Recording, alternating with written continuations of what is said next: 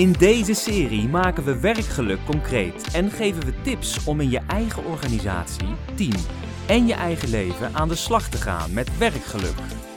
Van een groot wollig thema slaan we de brug naar concrete acties.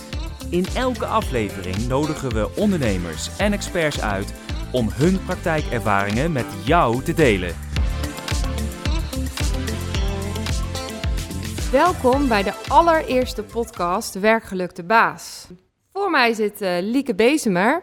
Fijn dat je er bent, Lieke. Nou, leuk om hier te zijn. Uh, Lieke is, naast dat zij auteur van het boek Werkgeluk werkt, is zij ook directeur van Werkgeluk Instituut Nederland. Ja, klopt.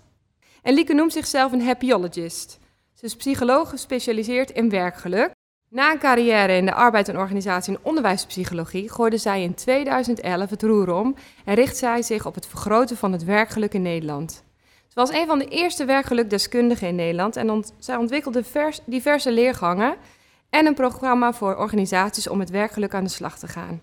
Nou, in 2018 verscheen jouw eigen boek, hè, Werkgeluk uh, werkt. Inderdaad. En ik vind het heel erg leuk om jou vandaag bij mij uh, als eerste gast te hebben in de podcast over werkgeluk. Want ik wilde ook echt dat jij mijn eerste gast zou zijn. Omdat ik wel durf te stellen dat jij mijn inspiratiebron bent geweest om jaren geleden met werkgeluk aan de slag te gaan. Um, door jouw boek, maar ook door onze mooie gesprekken destijds, raakte ik zelf gepassioneerd voor het thema. En samen zijn we ook op onderzoek uitgegaan hè, naar werkgeluk. We hebben het Klaver 4-model uit jouw boek onder de loep genomen samen. We hebben daar onderzoek naar gedaan. We hebben een vragenlijst ontwikkeld en gevalideerd. Je gebruikt hem ook hè, als nulmeting voor organisaties. Ja. Nou, we gaan daar straks nog veel meer over horen. Net als over het thema leiderschap en werkgeluk. En, uh, want dat is een thema waar we nu ook samen weer onderzoek naar doen. Hè? Leiderschap en werkgeluk. Ik vind het een fantastisch avontuur. Dus heel fijn dat je er bent. Ja, Dank je wel. Dank voor de uitnodiging. En uh, leuk om hier uh, samen met jou mee uh, aan de slag te gaan en over te praten. Ja, absoluut. Nou, voordat, hè, ik heb al aangezegd, we gaan het hebben over leiderschap en werkgeluk. Maar ik zou heel graag nog eerst wat persoonlijke vragen aan je stellen. Zodat we jou ook een beetje kunnen leren kennen. Wie is Lieke? Um, ik heb je net al geïntroduceerd, maar kan je zelf ons vertellen, wie is Lieke? In een paar woorden. uh, nou, Lieke is vooral uh, heel enthousiast, uh, nieuwsgierig, ondernemend en avontuurlijk. En daarnaast ben ik getrouwd, moeder van twee prachtige dochters. En nou ja, zeer gepassioneerd als het gaat over het onderwerp werkgeluk. en naast mijn werk ben ik ook een fervent zeiler en veel op het water te vinden. Op een zeilboot dan dus inderdaad. Op een zeilboot, ja, hè? Ja, ja. ja. Jij doet ook mee aan wedstrijden, toch? Dat klopt. Ja, ja. iedere woensdagavond uh, hebben wij uh, competitie. En ik uh, kan zeggen dat ik daar behoorlijk fanatiek in ben. Dat maakt jou heel blij. Dat maakt mij zeker heel blij. fanatisme. Ja, zeker.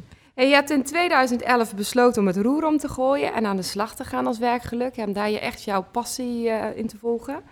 Dat is niet iets wat je zomaar besluit, denk ik. Nee, dat klopt. Nee, ik, uh, ik werkte toen nog in, uh, in loondienst. En uh, ik merkte al wel dat ik nou, al even niet meer op mijn plek zat. zelf minder werkgeluk ja, ervaarde op dat moment. En ik dacht, nou laat ik daar vooral eens goed bij stilstaan. Wat dan wel werkgeluk voor mij is. En wat, ja, wat mis ik? Wat zoek ik? wat zou ik zelf graag willen?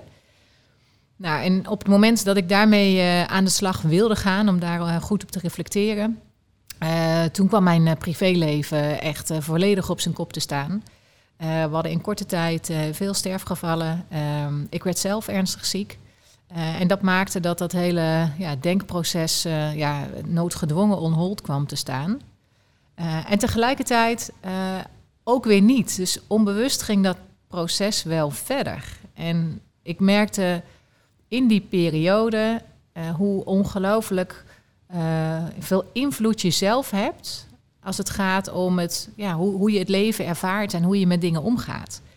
En um, ja, daar werd feitelijk het eerste zaadje geplant voor uh, geluk en, en, en werkgeluk. En één ding heel concreet wat ik daarin merkte was dat ik, um, nou, ik, ik, had zelf kanker, ik, ik zat aan de chemo, voelde me ontzettend misselijk. en s ochtends ja, had ik niet bijzonder veel zin om per se het bed uit te gaan en met mijn gezin aan het ontbijt uh, te zitten. Al die luchten maakten me alleen nog maar misselijker. Maar tegelijkertijd ja, wilde ik wel dat moment meemaken. Samen de dag starten en, uh, en met elkaar zijn. Ergens bij horen, bij je gezin, er onderdeel van uit kunnen maken. Ja, en hoe moeilijk dat dus ook was, besloot ik wel iedere ochtend toch mijn benen over de rand van het bed te slaan. En uh, ja, mee te doen met dat ontbijt. En ja, het klinkt misschien als iets heel simpels, maar voor mij maakte dat een enorm verschil over ja, hoe, hoe ik de dag en hoe ik het leven op dat moment ervaarde. En merkte ik dus ook dat, ja, dat het heel vaak gaat over een keuze die je zelf kunt maken, ja, ongeacht hoe, hoe lastig en ingewikkeld de omstandigheden op dat moment ook zijn. Ja, dat, dat was heel krachtig om dat te ervaren. En toen dacht ik, ja, daar moet ik meer mee doen. Als ik dat kan, dan kunnen anderen dat ongetwijfeld ook. Ja, dus wat ik jou eigenlijk hoor zeggen is, ondanks dat, er, dat je geen invloed had op de omstandigheden, want je was ziek, daar kon je op dat moment niks aan veranderen, behalve het ondergaan en proberen zo goed mogelijk beter te worden. Maar je had wel een keuze in hoe je de dag ging beginnen en hoe ja, je ermee omging. klopt. Ja, nou, en precies dat inderdaad. En ik zeg ook vaak, je kunt niet bepalen hoe de wind waait, maar wel hoe je je zeilen stelt. Zit dan toch weer die zeiler in mij. Ja. Maar ja, precies dat inderdaad. En de keuze hoe je met dingen omgaat, ja, die heb je zelf. Uh, en ja, daar mogen we naar mijn idee nog, nog veel meer gebruik van maken. En nou, misschien één stap daarvoor nog, vooral bewust van zijn dat we die keuze hebben. Ja, ja dus kunnen we dan ook stellen dat je zelf invloed hebt op je eigen geluk? Want werkgeluk hebben we het nu nog heel even niet over. We hebben het eigenlijk over geluk nu. Ja, dat, dat gevoel heb ik wel. Ja? Ja, ik heb... En daarmee wil ik niet zeggen dat alles maakbaar is. Want uh, nou, zover gaat het niet. Hè. En het hoeft ook niet zo te zijn dat je altijd alleen maar gelukkig bent. Uh, sterker nog, ik geloof er heel sterk in dat, dat je geluk kunt ervaren doordat je ook momenten hebt waarop je minder gelukkig bent. Uh, net zo goed als zwart niet zonder wit bestaat. Uh, ja, die nuances en, en die contrasten die je zo nu en dan in het leven hebt, die maken ook dat je meer kunt genieten van de momenten waarop je dus inderdaad geluk ervaart. Die, die vallen dan dus ook op. En ja, dat, dat vind ik er dan ook wel heel mooi aan. Ja. Sonja Liobemirski die heeft daar ook onderzoek naar gedaan. Hè? Zij ja. stelt dat 50% van geluk wordt bepaald door je genen. 40% van je geluk eigenlijk door uh, keuzes die je maakt. En maar 10% van geluk door omstandigheden waarin je verkeert. Ja. Sta je daar dan ook achter? Denk je dat dat ook... Ja, ze heeft er onderzoek naar gedaan, maar in jouw beleving, in jouw ervaring? Ja, nou ja, dat is zeker wat ik zelf ook ervaar. En uh, ja, ik vind het moeilijk om precies een percentage eraan te hangen van hoeveel is nou wat. Uh, maar ja, de, de, verhouding waarin zij dat schetst, uh, ja, vind ik wel herkenbaar. En dus of dat dan 40, 50, 60 procent, nou ja, het zal ook een beetje variëren. De ene keer wellicht wat meer dan de andere keer. maar ja, ik geloof daar absoluut in dat, dat je voor een groot deel zelf invloed hebt op je geluk en daarmee ook op, ook op je werkgeluk. Wat mij zo opviel was dat maar 10 procent uh, afhankelijk is van je omstandigheden. Ja. We het heel vaak hebben over geluk hebben. Ja. Hè, je hebt de loterij gewonnen, dus je hebt geluk. Ja. Of uh, je bent in het goede nest geboren, dus je hebt geluk. Ja. En zij stelt dat het maar 10% is.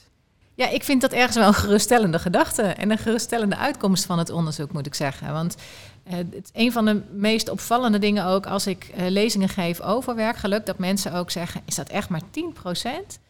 Uh, want heel vaak zie je toch dat, dat of nou, we zijn als mens geneigd om dingen ook wel toe te schuiven op externe omstandigheden.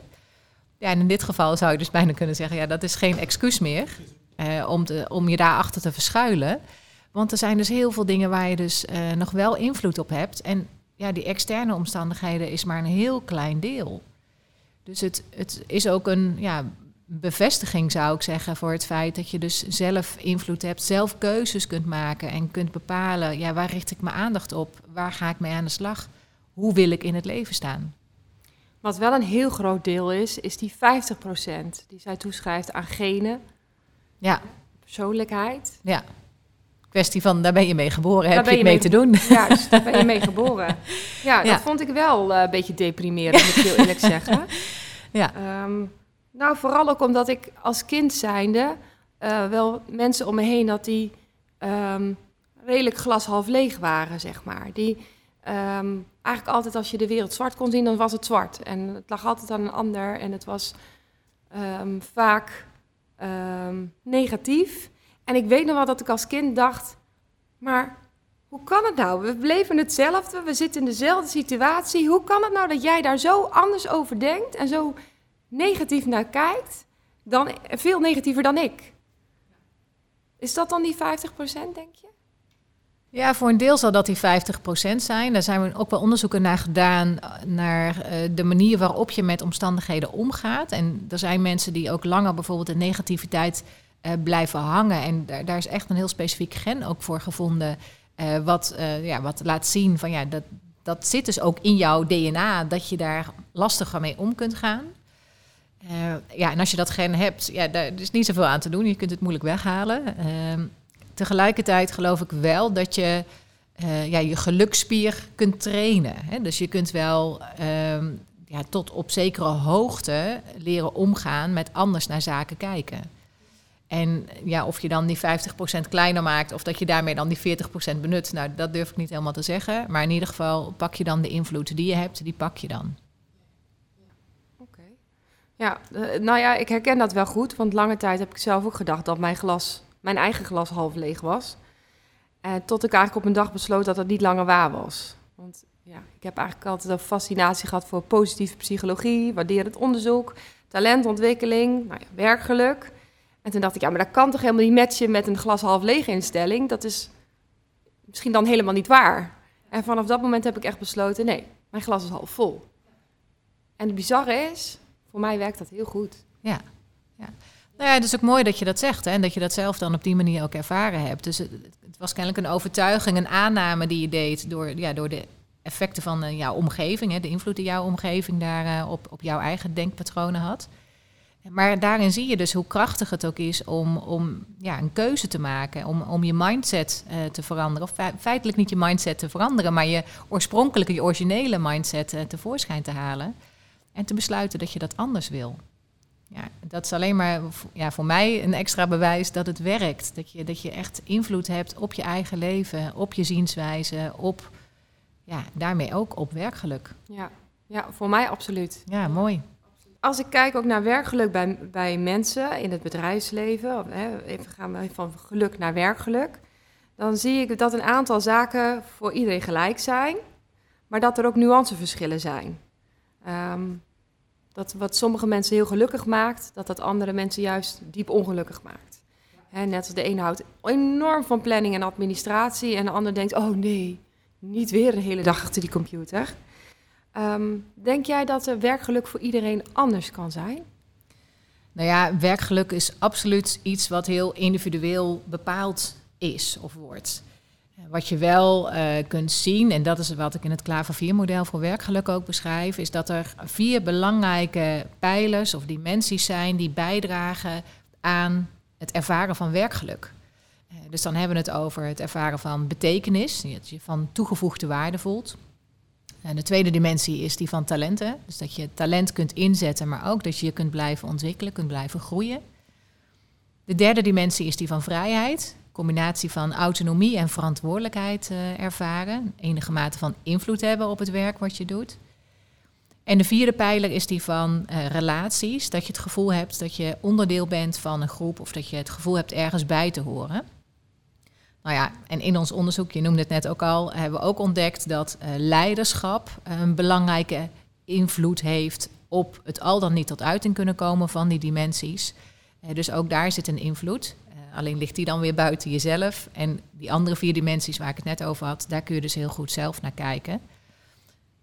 En wat ik dan vooral heel belangrijk vind, is dat mensen natuurlijk in eerste, op de eerste plaats voor zichzelf nagaan. Wat heb ik nodig op ieder van de dimensies? Wat is voor mij belangrijk?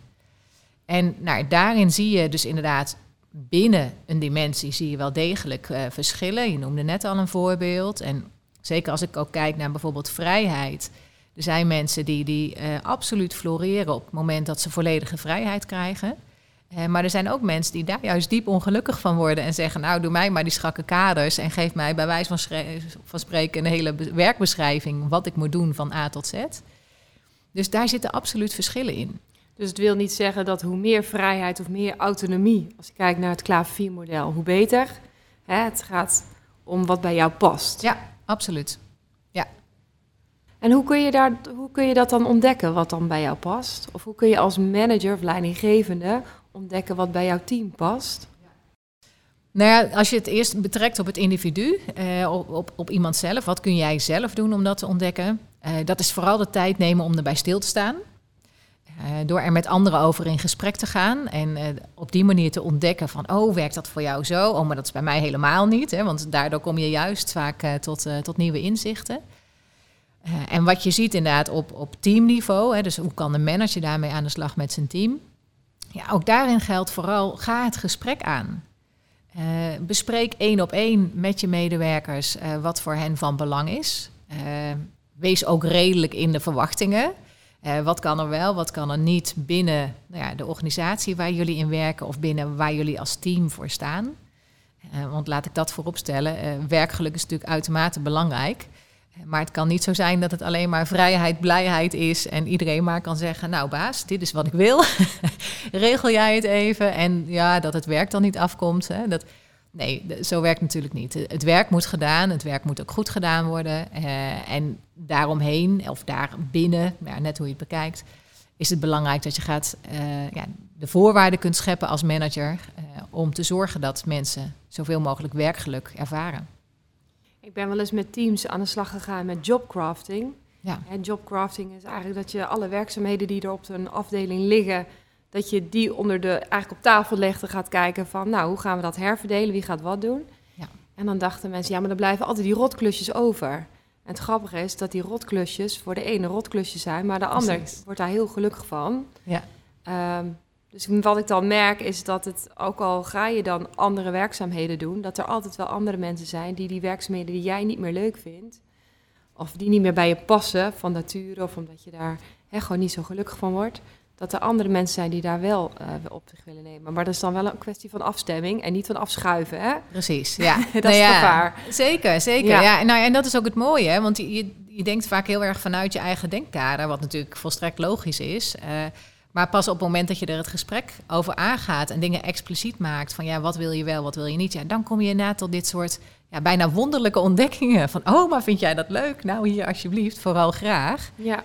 Uh, maar inderdaad niet afschuiven, het gesprek erover aangaan en, en gezamenlijk tot een verdeling van de taken komen. Ja. In deze podcast is het natuurlijk ook bedoeld voor, uh, ja, voor mensen in de organisatie die aan de slag willen met dat werkgeluk. Of die denken, ik moet daar iets mee maar ik weet nog niet zo goed hoe ik moet starten. Zou dat dan ook een mooi vertrekpunt kunnen zijn? Ja, het gesprek erover aangaan en de taken verdelen. Ja, absoluut. Ja. Nou ja, werkgeluk wordt soms ook wel ervaren als iets heel groots en abstracts. En nou, waar inderdaad dan te beginnen. En nou ja, mijn belangrijkste tip daarin is inderdaad... begin met praten over wat is werkgeluk voor jou? En uh, ja, zwengel dat onderwerp aan. Zet het op de agenda. Uh, uh, nodig een spreker uit om erover te praten. En ja, heb het erover met elkaar. Ja. En ja, zo, zo, klein, zo klein kun je al beginnen. Dat is een belangrijke eerste stap. Dus maak het niet te groot, maar hou het klein. Precies. En heb het er gewoon over. Ja. Dat is eigenlijk wat ik je hoor zeggen. Ja, inderdaad. Ja, mooi. Um, want jij, jij komt zelf heel veel bij organisaties die iets willen doen met werkgeluk, hè? Ja. En wat zijn vragen die jij dan zoal krijgt?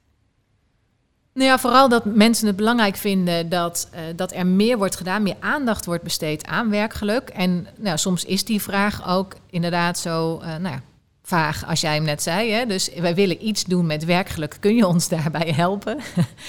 ja, en over het algemeen is het wel zo dat er uh, achter die vraag natuurlijk nog een aantal andere vragen liggen. En het belangrijkste, uh, tenminste ik zie het als mijn belangrijkste taak om eerst ja, goed te doorgronden. Is het zo dat ze vanuit een intrinsieke motivatie, vanuit een echt geloof dat werkgeluk werkt, aan de slag willen? Of is het bedoeld om het ziekteverzuim omlaag te krijgen of de productiviteit omhoog? En nou, dat, wil ik ook graag even toelichten. Want op het moment dat je echt gelooft in werkgeluk, eh, dan ga je op, op die dimensies inzetten die ik net noemde. Hè? Dus betekenis, talent, vrijheid en relaties.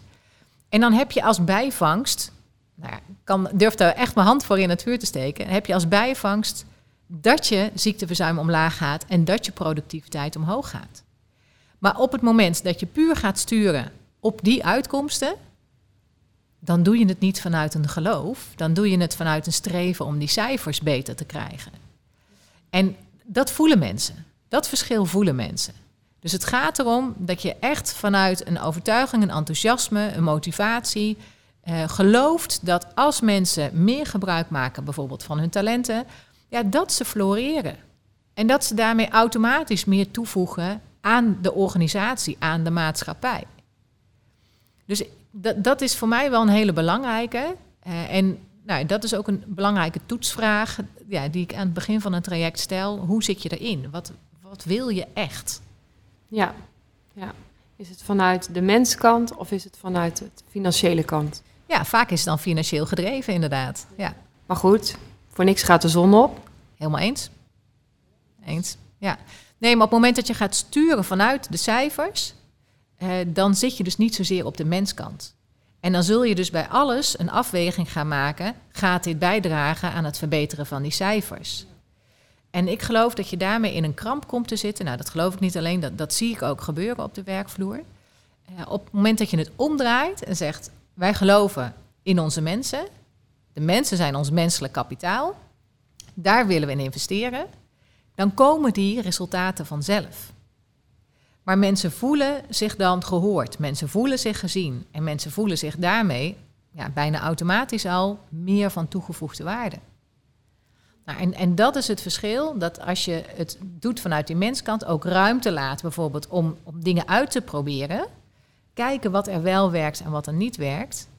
dat, dat geeft mensen een enorme boost. En, en daar komen de mooiste dingen uit. De mooiste experimenten.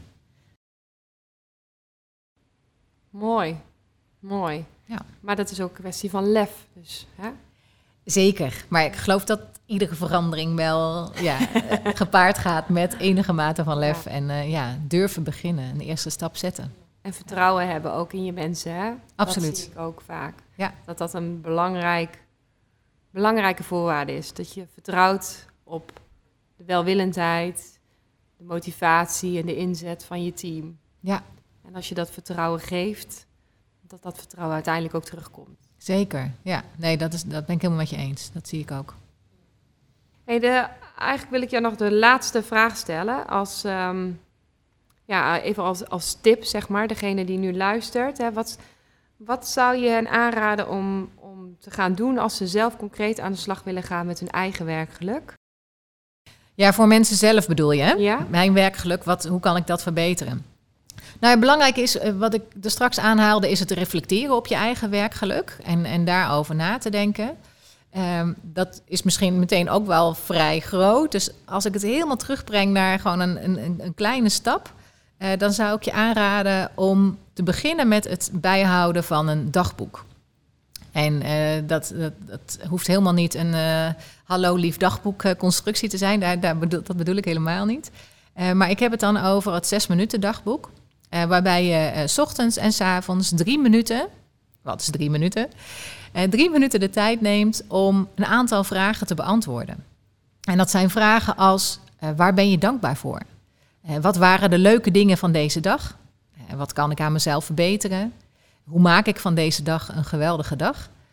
Nou, en dat zijn vragen die jou al gaan helpen om na te denken over: ja, wat was er leuk?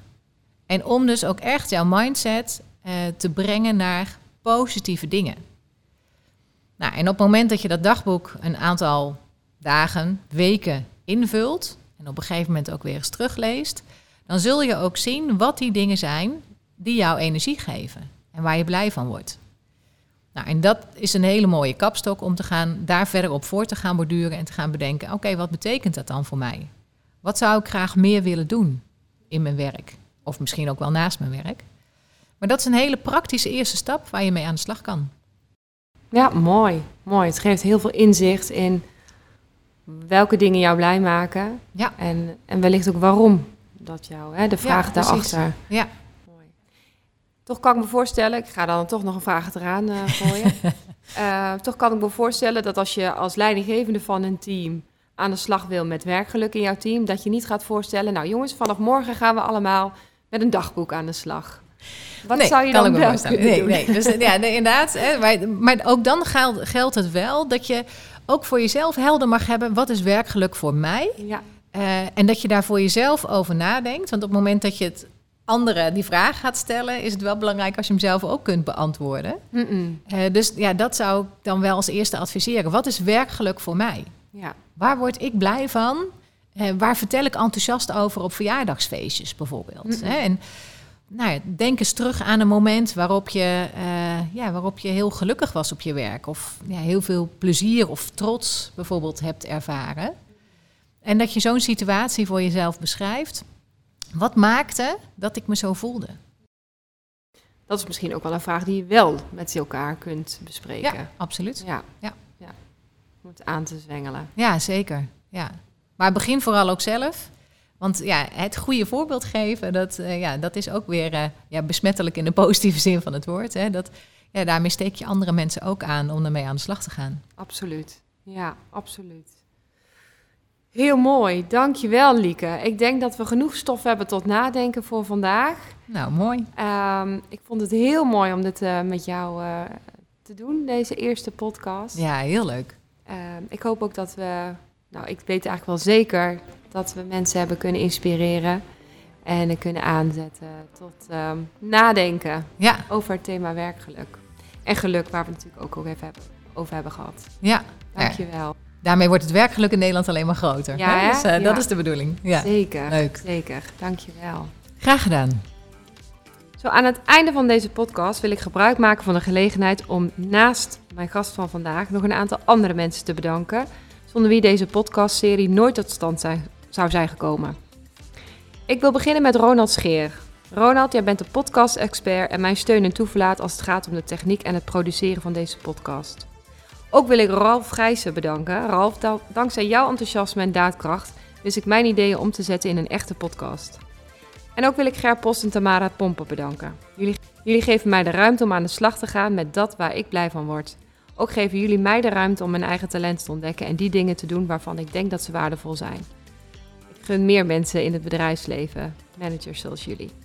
Ook wil ik Erik Rijgaard bedanken. Erik is mijn steun en toeverlaat thuis. Je support me bij alle ideeën die ik heb. Ideeën die soms alle kanten op gaan, maar jij hebt altijd een rotsvast vertrouwen in mij, mijn ideeën en mijn kunnen. Dat geeft me heel veel warmte en steun om door te gaan met dat waar ik voor wil gaan. En dank natuurlijk alle gasten en dank voor de luisteraars. Heb je nog tips, ideeën of wil je zelf jouw kennis en ervaring delen in deze serie?